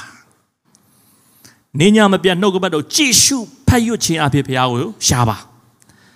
နေညာမပြတ်နှုတ်ကပတ်တော်ကိုရှင်ခြင်းအောင်မေ့ခြင်းအဖြစ်ဘုရားကိုရှာပါ ကျွန်တော်အဲ့လိုမျိုးရှာတယ်ကျွန်တော်ဘုရားအဲ့လိုမျိုးရှာတယ်အဲ့ဒီအချိန်မှာတဲ့သင်နေ့နှုတ်ပတ်တော်ကိုနေညာမပြတ်တင်ရှင်ခြင်းအောင်မေ့မယ်နေညာမနှုတ်ပတ်ယေရှုဖတ်ရမယ်ဆိုဘာဖြစ်လဲဆိုရင်တို့ပြုလင်သင်ဒီအကြံထားမြောက်၍ဘာဖြစ်မှာလဲအကြံထားမြောက်ဘာကြောင့်တင်အကြံထားမြောက်မှာလဲအကြံလာလို့ပေါ့ဘာကြောင့်အကြံထားမြောက်မှာလဲဖခင်ရဲ့အကြံလာလို့ထားမြောက်မှာဒီတိုင်းထားမြောက်မှာမဟုတ်ဘူးဖခင်ရဲ့အကြံကဘယ်အဖြစ်လာမှာလဲ ဖခင်ရဲ့နှုတ်ကပတ်တော်အဖြစ်လာမှာဟာလေလုယာဟာလေလုယာဒါကြောင့်မို့နှုတ်ကပတ်တော်ကိုရှင်ခြင်းအောက်မေ့ခြင်းအဖြစ်ဖခင်ကိုတင်ရှာပါကျွန်တော်ကဥမာပေါ့ကျွန်တော်တို့အခုကျွန်တော်ဇနီးတယ်လည်းရှိတယ်เนาะကျွန်တော်ဇနီးတယ်လည်းရှိတယ်ကျွန်တော်ဇနီးတယ်နဲ့ကျွန်တော်တို့အိမ်အောင်ပြုကြရတယ်ဘာကြောင့်အိမ်အောင်ပြုလဲဘုရားခင်ကျွန်တော်ပေးတယ်ဒီဇနီးတယ်ဒါလုံးလုံးကျွန်တော်သိတယ် ဘယ်အချိန်မှကျွန်တော်သိလဲသိလားနှုတ်ကပတ်တော်ဆင်ခြင်အောင်မေးတဲ့အချိန်မှကျွန်တော်သိတာ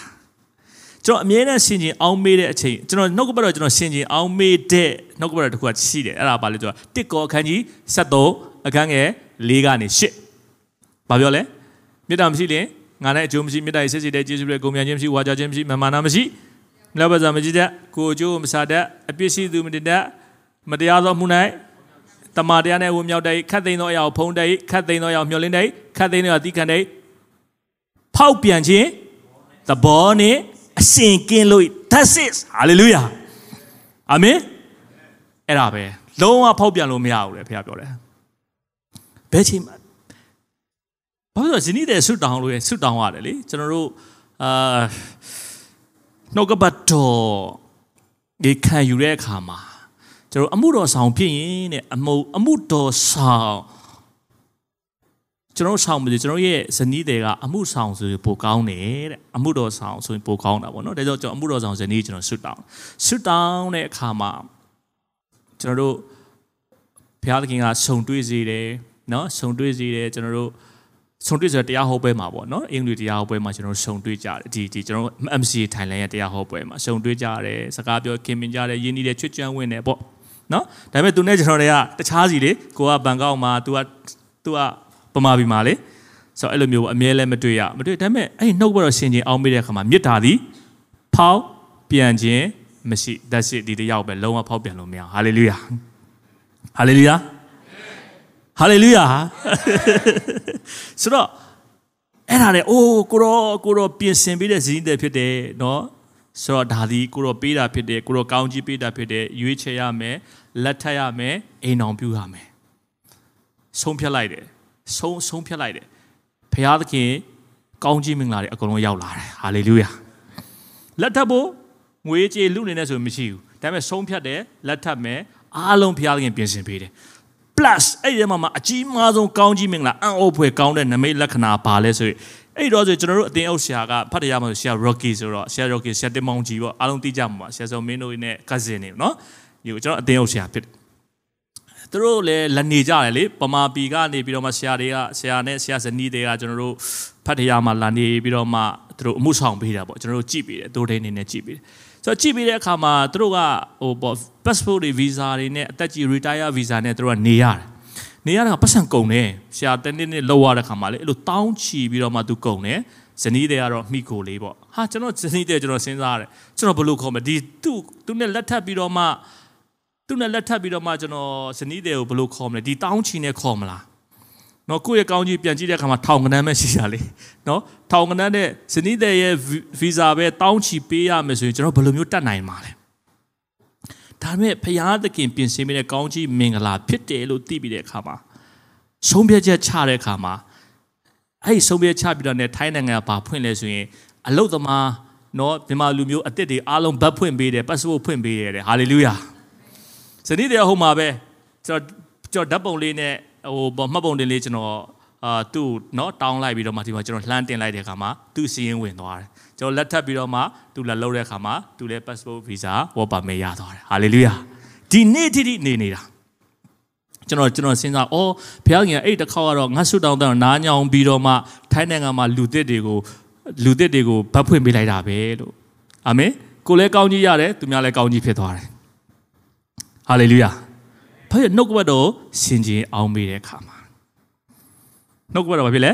ရှင်ကျင်အောင်မေးတဲ့အခါမှာအဲ့ဒီ နမိတ်လက္ခဏာရလာတယ်ပြီးတော့မှနောက်တစ်ခုကကြတော့ကျွန်တော်နှုတ်ကပတ်တော်တရားဒေသနာသနာထောင်နေတ တရားဒေသနာနားထောင်တဲ့အခါမှာဒီကျမ်းမိုက်ကျွန်တော်ကြည့်အောင်ဒီကျမ်းမိုက်ကြည့်အောင်ဒါကလည်းကျွန်တော်တို့ဘုရားရဲ့ကောင်းကြီးပင်ပင်လို့ကျွန်တော်ယုံကြည်တယ်တစ်ပေခန်းကြီး3 4เนาะဒါကျွန်တော်ရဲ့အိမ်တောင်အားဖြင့်ဘုရားကိုရှာခဲ့တဲ့တက်တွေကိုပြောတာဒီမှာရှိတဲ့ညီကိုမောင်မလည်းအိမ်တောင်ရှာနေတဲ့သူများရှိရှိမှဖြစ်တယ် နော်တချို့ကတော့လည်းမရှာတော့ဘူးပေါ့နော်ရှာတဲ့သူပြားတွေလည်းကောင်းကြီးဖြစ်မှာဖြစ်တယ်တစ်ပေအခန်းကြီး3 4ကိုကြည့်အောင်တစ်ပေအခန်းကြီး3ခန်းငယ်၄မှာကြည့်မယ်တွေ့ရင်ကျွန်တော်တို့အတူကဖတ်ရမယ်ဆိုတော့လေးလေးကိုမဖတ်သုံးကိုသုံးကိုဖတ်မယ်နော်တင်တို့၌တစားဆင်ခြင်းဟုမူကားသပင်ကြစ်ခြင်းဆွေဆင်ခြင်း အဝတ်ဝတ်ခြင်းတည်းသောအပြင်တစားဆင်ခြင်းမဖြစ်စေဘဲဖျားသခင်ရှေ့မှာအဖိုးများစွာထိုက်သောနုညံ့ငြိမ်သက်ခြင်းသဘောတည်းဟုသောမဖောက်ပြန်မပြတ်စီတတ်သောရှိသောစိတ်နှလုံး၏အတွင်းလူဖြစ်စေကြလောဟုတ်ပြီရပါပြီအဲ့လောက်ထိဘာပြောလဲကျွန်တော်တို့အပြင်တစားကိုရှင်းတာမမှားပါဘူးเนาะအပြင်တစားရှင်းတာဘုရားခင်ကျွန်တော်တို့ရွှေမိုးရအောင်ငွေမိုးရအောင်အဲ့လိုမျိုးဒုံတိပြက်ကြီးပြောတာမဟုတ်ဘူးအပြင်တစား ရှင်းတာမမှားပါဘူးเนาะဒါပေမဲ့ဘုရားခင်ကျွန်တော်အပြင်တစားရှင်းချင်းတက်ဘာကိုရှင်းချင်းခိုင်းရှင်းတာလဲအတွင်းနှလုံးသားတစားကိုရှင်းခိုင်းစေခြင်းတော့ဘုရားသခင်ဖြစ်တယ်ကျွန်တော်အပြင်ပိုင်းလှတာထက်အတွင်းနှလုံးသားလှဖို့အရေးကြီးတယ်ဒါကြောင့်မလို့ကျွန်တော်ပြောပြမယ်ယောက်ျားလေးတွေလည်းတင်းတို့ခင်မွန်းတယ်အော်တင်းတို့ဇနီးတယ်တင်းတို့ရွေးတဲ့အခါမှာ အပြင်ပိုင်းကိုတင်းတို့ကြည်တာတဲ့အတွင်းပိုင်းနှလုံးသားလှတာပိုကြည့်ပါဟာလေလုယာအာမင်အမျိုးသမီးတွေလည်းပဲတင်းတို့တဲ့အိမ်အောင်ပိုင်းအိမ်ဘက်ကိုတင်းတို့ရွေးချယ်တဲ့အခါမှာတင်းတို့ဒီအပြင်ပိုင်းမှာကြည်တာတဲ့အတွင်းနှလုံးသားလှတာကိုကြည့်ပါဟာလေလုယာဘာကြောင့်ကျွန်တော်ပြောလဲဆိုတော့တော်တော်များများက တော်တော်များများကကျွန်တော်တို့ရွေးတဲ့ချိန်ရုပ်ချောတာပဲမကြိုက်ဘူးလားကြိုက်တယ်မိန်းကလေးဆိုလဲဝါဟိုဘလာကောင်းကောင်းထောက်ထောက်မောင်းမောင်းဖြောက်ဖြောက်တောက်တောက်ပေါ့နော်အဲအဲ့လိုကြောက်တယ်ကြိုက်ကြတယ်လူသဘောရယောက်ျားလေးဆိုလဲပဲမိန်းကလေးဘယ်လိုကြိုက်လဲဆွေမမမကြိုက်ဘူးလားဆွေမမဆိုမကြိုက်ဘူးလားကြိုက်တယ်နော်ဆွေသားလည်းနှစ်မျိုးရှိတယ်နော်ဆွေတယ်ဆိုတာချောတာလည်းရှိတယ်အရန်ရုပ်ဆိုတာဆိုလည်းဆွေတယ်လို့ပြောတယ် ဆွေတို့အဲ့လိုမျိုးဆိုတော့ထိုင်းစကားတည်းလေးကွာသွားလိုက်ဆိုလို့ရှိတော့သူလွဲသွားအတိတ်ပဲကဆိုတော့ပြောချင်တာကကျွန်တော်တို့ကရုပ်ချောတာတွေကိုကြိုက်တယ်ကြိုက်တာမမောင်ပြဿနာမရှိရုပ်ချောတာဘုရားရင်သင်ပေးနိုင်ပါတယ်လာတာသင်ကိုပေးနိုင်တယ်ပေးနိုင်တယ်သင်ဘယ်လိုမျိုးပုံစံတောင်းလဲကိုကိုသူ့ကိုကိုချစ်တယ်အဲကိုကသူ့ကြိုက်တယ်ချစ်တယ်ကြိုက်တယ်တယောက်တစ်ယောက်ချစ်အရန်ချစ်ကြတယ်ကြိုက်ကြတယ်သူကလည်းခံတယ်ကိုကလည်းချောတယ်လှတယ်ဘုရားရင်သင်ကိုပေးနိုင်တယ် လုံနိုင်တယ်ဘုရားရင်သို့တော်လေဒါပြီးအရေးကြီးတဲ့အရာကကိုချစ်တာကြိုက်တာလဲလို့သလိုဘုရားသခင်တင့်တွက်ပေးတဲ့တယောက်ဖြစ်သလားဆိုတာဒါပြီးအရေးကြီးတယ်ဟာလေလုယာဘာကြောင့်ဒီအိမ်တော်ပြုတာလဲအကြောင်းမျိုးရှိမှာပေါ့ဒါပေမဲ့ရည်ရွယ်ချက်တစ်ခုကဖျားဘုံထင်ရှားဖို့လိုတယ်အာမင်ဖျားဘုံထင်ရှားဖို့လိုဖျားငတ်အတွက်ပေးတဲ့တယောက်လားအမှန်တန်ရေးချီးတယ်ဒါမှမဟုတ်တင့်အတွက်တင်တင် ရွေတင်ကြိုက်တာတင်ရွေတယ်ဖျားပေးတာမဟုတ်လို့ဆိုရပါတယ်ဒါပေမဲ့နောက်ပိုင်းတင်အဖိုးခါတွေပြန်ပေးရမှာတွေအများကြီးရှိတယ်ပြီးတော့အဲ့တော့ကြာလဲပျော်ပျော်ပေးအဲ့ကြောင့်လဲပျော်ပျော်ပေးဘာလို့ကျွန်တော်လက်ထပ်ပြီးသွားရင်ကျွန်တော်တို့ကဟုတ်လားကျွန်တော်တို့ကဟိုဘယ်လိုပြောမလဲဆိုတော့ကွာလို့မရတော့ဘူးလေတစ်သက်လုံးကျွန်တော်တို့အိုအောင်မင်းအောင်ကျွန်တော်တို့ပိုင်ရပေါင်းရတော့မှာဟာအဲ့ဒီချိန်မှာကျွန်တော်တို့ကဘာဖြစ်တယ်ညာဖြစ်တယ်မရတော့ဘူးအိုအောင်မင်းအောင်ပေါင်းရတော့မှာဆိုတော့ဘုရားသခင်အလိုရှိတဲ့တယောက်လားဘုရားသခင်ငါ့ကိုပြင်ဆင်ပေးတာလားအဲ့ဒါအရေးကြီးတယ်နောက်တစ်ခုက သူ့ရဲ့အပြင်ပန်းတဒံကျွန်တော်တို့လှတာတဲ့သူ့ရဲ့နှလုံးသားသဘောထားလှသလားကျွန်တော်ကြည့်ဖို့လိုတယ်ဟာလေလုယာသူ့ရဲ့နှလုံးသားသဘောထားလှသလားဒါအရေးသူဒီဖျားသခင်ကိုချစ်ကြောက်ယူသေးရဲ့လားသူဒီဖျားသခင်နဲ့တွားရဲ့လားအဲ့ဒါအရေးကြီးတယ်အဲ့ဒါနဲ့ကျွန်တော်ကဘုရားခင်ကျွန်တော်ဖော်ပြထားပြီးသားပါဇနီးတဲ့ကျွန်တော်ပြေးတာကျွန်တော်မေတ္တာဆိုတဲ့နှုတ်ကပတ်တော်ရှင်ခြင်းအောင်းမေးတဲ့အခါမှာကျွန်တော်ဇနီးပဲလုံးဝလုံးဝသိကြတယ်လုံးဝသိကြတယ် သူပဲကျွန်တော်ချစ်တယ်ကျွန်တော်လည်းသူ့ချစ်တယ်ဟာလေလုယာအာမင်တည်တယ်ဆိုတော့အခုကောင်းကြီးမင်္ဂလာအများကြီးဖြစ်တယ်နော်ကောင်းကြီးမင်္ဂလာဖြစ်တယ်ဟာကောင်းကြီးမင်္ဂလာဖြစ်တဲ့အခါမှာတချို့တွေကပြောကြတာဟာဆရာဆရာကိုယ်တိုင်ကောင်းကြီးတွေပဲတဲ့ဝလာတယ်တဲ့အစားကောင်းတွေစားလို့တဲ့အဲ့ဒါအဲ့ဒီအဲ့ဒီအစ်စ်မှာဖခင်နှုတ်ကတော့လာထားတာလေလူတွေကအစားကောင်းစားတယ်ပဲသိတယ်နှုတ်ကတော့အရင်လာထားတာမသိဘူးဟာလေလုယာအာမင်ဘာလို့အစားကောင်းစားလို့ကျွန်တော်ဒီကချက်ပြုတ်တာအရန်တော်တာ အရန်တော်တာဈေးလည်းအများကြီးသူမသုံးရှိတဲ့ဈေးကလည်းဟိုနည်းနည်းဒီနည်းနည်းသူပေါင်းပြီးတော့မှချက်လိုက်ဟာ3 4မျိုး5 star hotel ပဲအိမ်မှာအမြဲတမ်းအာမင်အမြဲတမ်း5 star hotel ပဲ5 star hotel တင်သွားကြမလို့အိမ်မှာအမြဲတမ်း5 star hotel ဖြစ်နေအဲ့ဒါပဲမကြည့်နဲ့အရှိမနှုတ်ကပတ်တော်ရှင်ရင်အောင်မေးပြီးဘုရားစကားလာတာဟာလေလုယာပြီးတော့မှ plus ကျွန်တော်တရားဒေသကျွန်တော်ဒီကျမ်းစာသင်တန်းတစ်ခုသွားတယ်ဆီယမဘုရားရှင်အသုံးပြုတဲ့ဆီယမပဲယူရီးယားဆီယမ तू ကအမှန်မှန်တော့ तू အိမ်တော်ရေးအကြောင်းသင်တာမဟုတ်ပါဘူးအိမ်တော်ရေးအကြောင်းသင်တယ်မဟုတ် तू ကဘာအကြောင်းသင်လဲဆိုတော့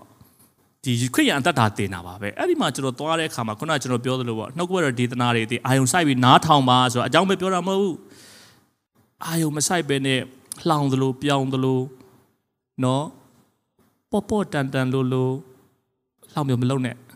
ဟိုဝုံမြောက်တော့လည်းကောင်းပါတယ်နှုတ်ကပတ်တော်နော်ဝုံမြောက်ကြတယ်ဘာညာဒါပေမဲ့နှလုံးသားထဲမှာ လေးစားပြီးတော့မှခံယူဖို့လိုတယ်လေးစားပြီးခံဝုံမြောက်တယ်နှုတ်ပတ်တော်ပြောတဲ့အခါမှာဟာတာလေးတွေပြောတယ်ကျွန်တော်ဝုံမြောက်ကြဒါဥစ္စာအစ်စုကေရတယ်ပြဿနာမရှိဘူးဒါပေမဲ့ဘလို့ပဲဖြစ်ဖြစ်နှုတ်ကပတ်တော်ငါ့ကိုဘုရားရဲ့စကားပြောနေတယ်ဆိုရင်ယူသေးလေးစားမှုနှလုံးနဲ့ခံယူဖို့လိုတယ်ဆိုတော့ကျွန်တော်ခံယူတယ်ယူရီးယားဆရာမကျွန်တော်တင်တယ်တင်တဲ့အခါမှာဘလို့ဖြစ်လို့သူအိမ်အောင်ရဲ့အကြောင်းရောက်သွားပြီကျွန်တော်တို့လည်းအဲ့ကောကျွန်တော်တို့ကအိမ်အောင်အိမ်အောင်ဘက်ကိုဆွတ်တောင်းနေတဲ့အချိန်တွေလေပြင်ဆင်တဲ့အချိန်ဆိုတော့အဲ့ဒါနဲ့ယူရီးယားနိုင်ငံမှာတဲ့နော်ယူရီးယားနိုင်ငံမှာ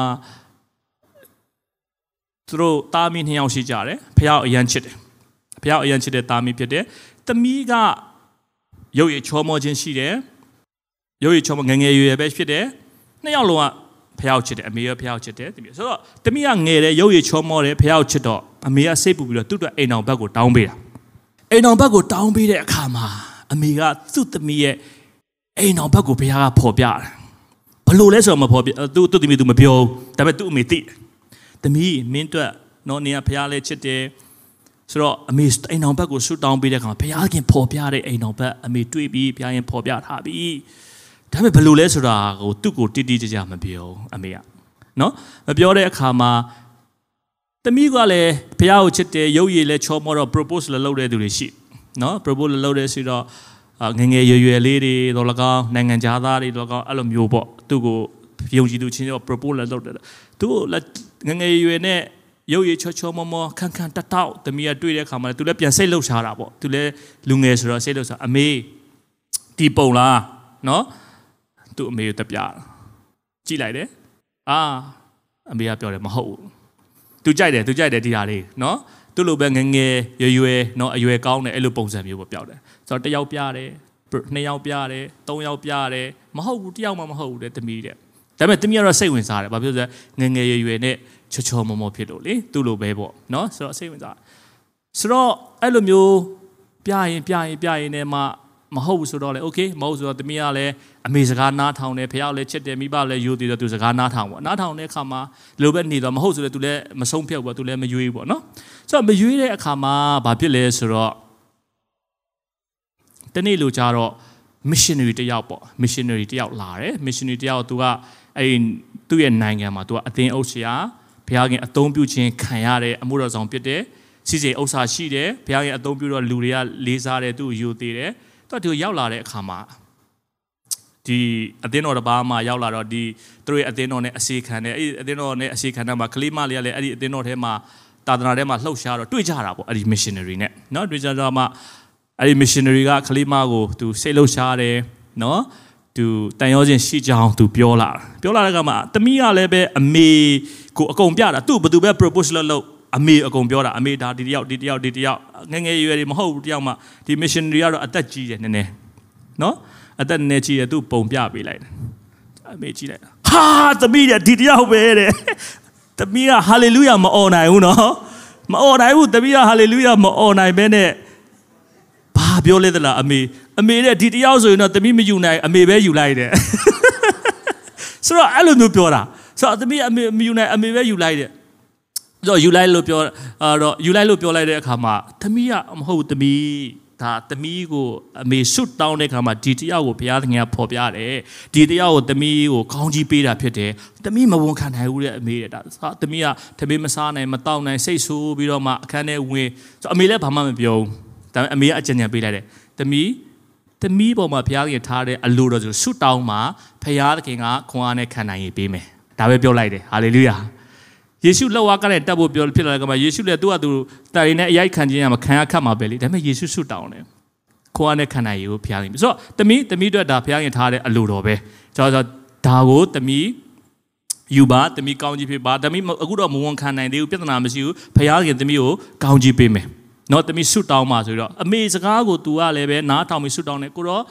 ကိုတော့ရဲ့အလိုတော်ဖြစ်တယ်ဆိုလို့ရှိရင်တမီးဝန်ခံမယ်ခွန်အားပေးပါ နှစ်ရက်သုံးရက်ကြာတယ်နော်ရက်ကာလလေးတစ်ခုကြာလိုက်တဲ့ခါမှာကလေးမကဒီ missionary ကိုပြန်ပြီးတော့မှလက်ခံဖို့ရအတွက်စိတ်သဘောထားကိုဘုရားသခင်ပြင်ဆင်ပေးတယ်ဟာလေလုယာဟာလေလုယာအတူဆုံးပြောလို့ရှိရင်တော့သူတို့လက်ထပ်ကြတာပေါ့နော်လက်ထပ်ကြတယ်လက်ထပ်ကြတဲ့အခါမှာဟိုနိုင်ငံကိုခေါ်သွားတယ်သူအသင်းဥဆရာမိန်းမဖြစ်သွားတာလေအသင်းဥဆရာမိန်းမပြောဒီအသင်းဥဆရာက missionary ကလည်းဘုရားခင်အသုံးပြုတော့ဆိုတော့သူလည်းစီးစိမ်ရှိတယ်ဥစ္စာဒနာရှိတယ် နော်အသေးအုပ်ဆရာမအနေနဲ့ဟိုမှာသွားတဲ့အခါမှာနိုင်ငံခြားသား foreigner တွေကအစားသူ့ကိုဘာဖြစ်လဲယိုသေးကြတယ်လေးစားကြတယ်ဟာပြီးတော့မှဘုရားခင်ကလှုပ်တာ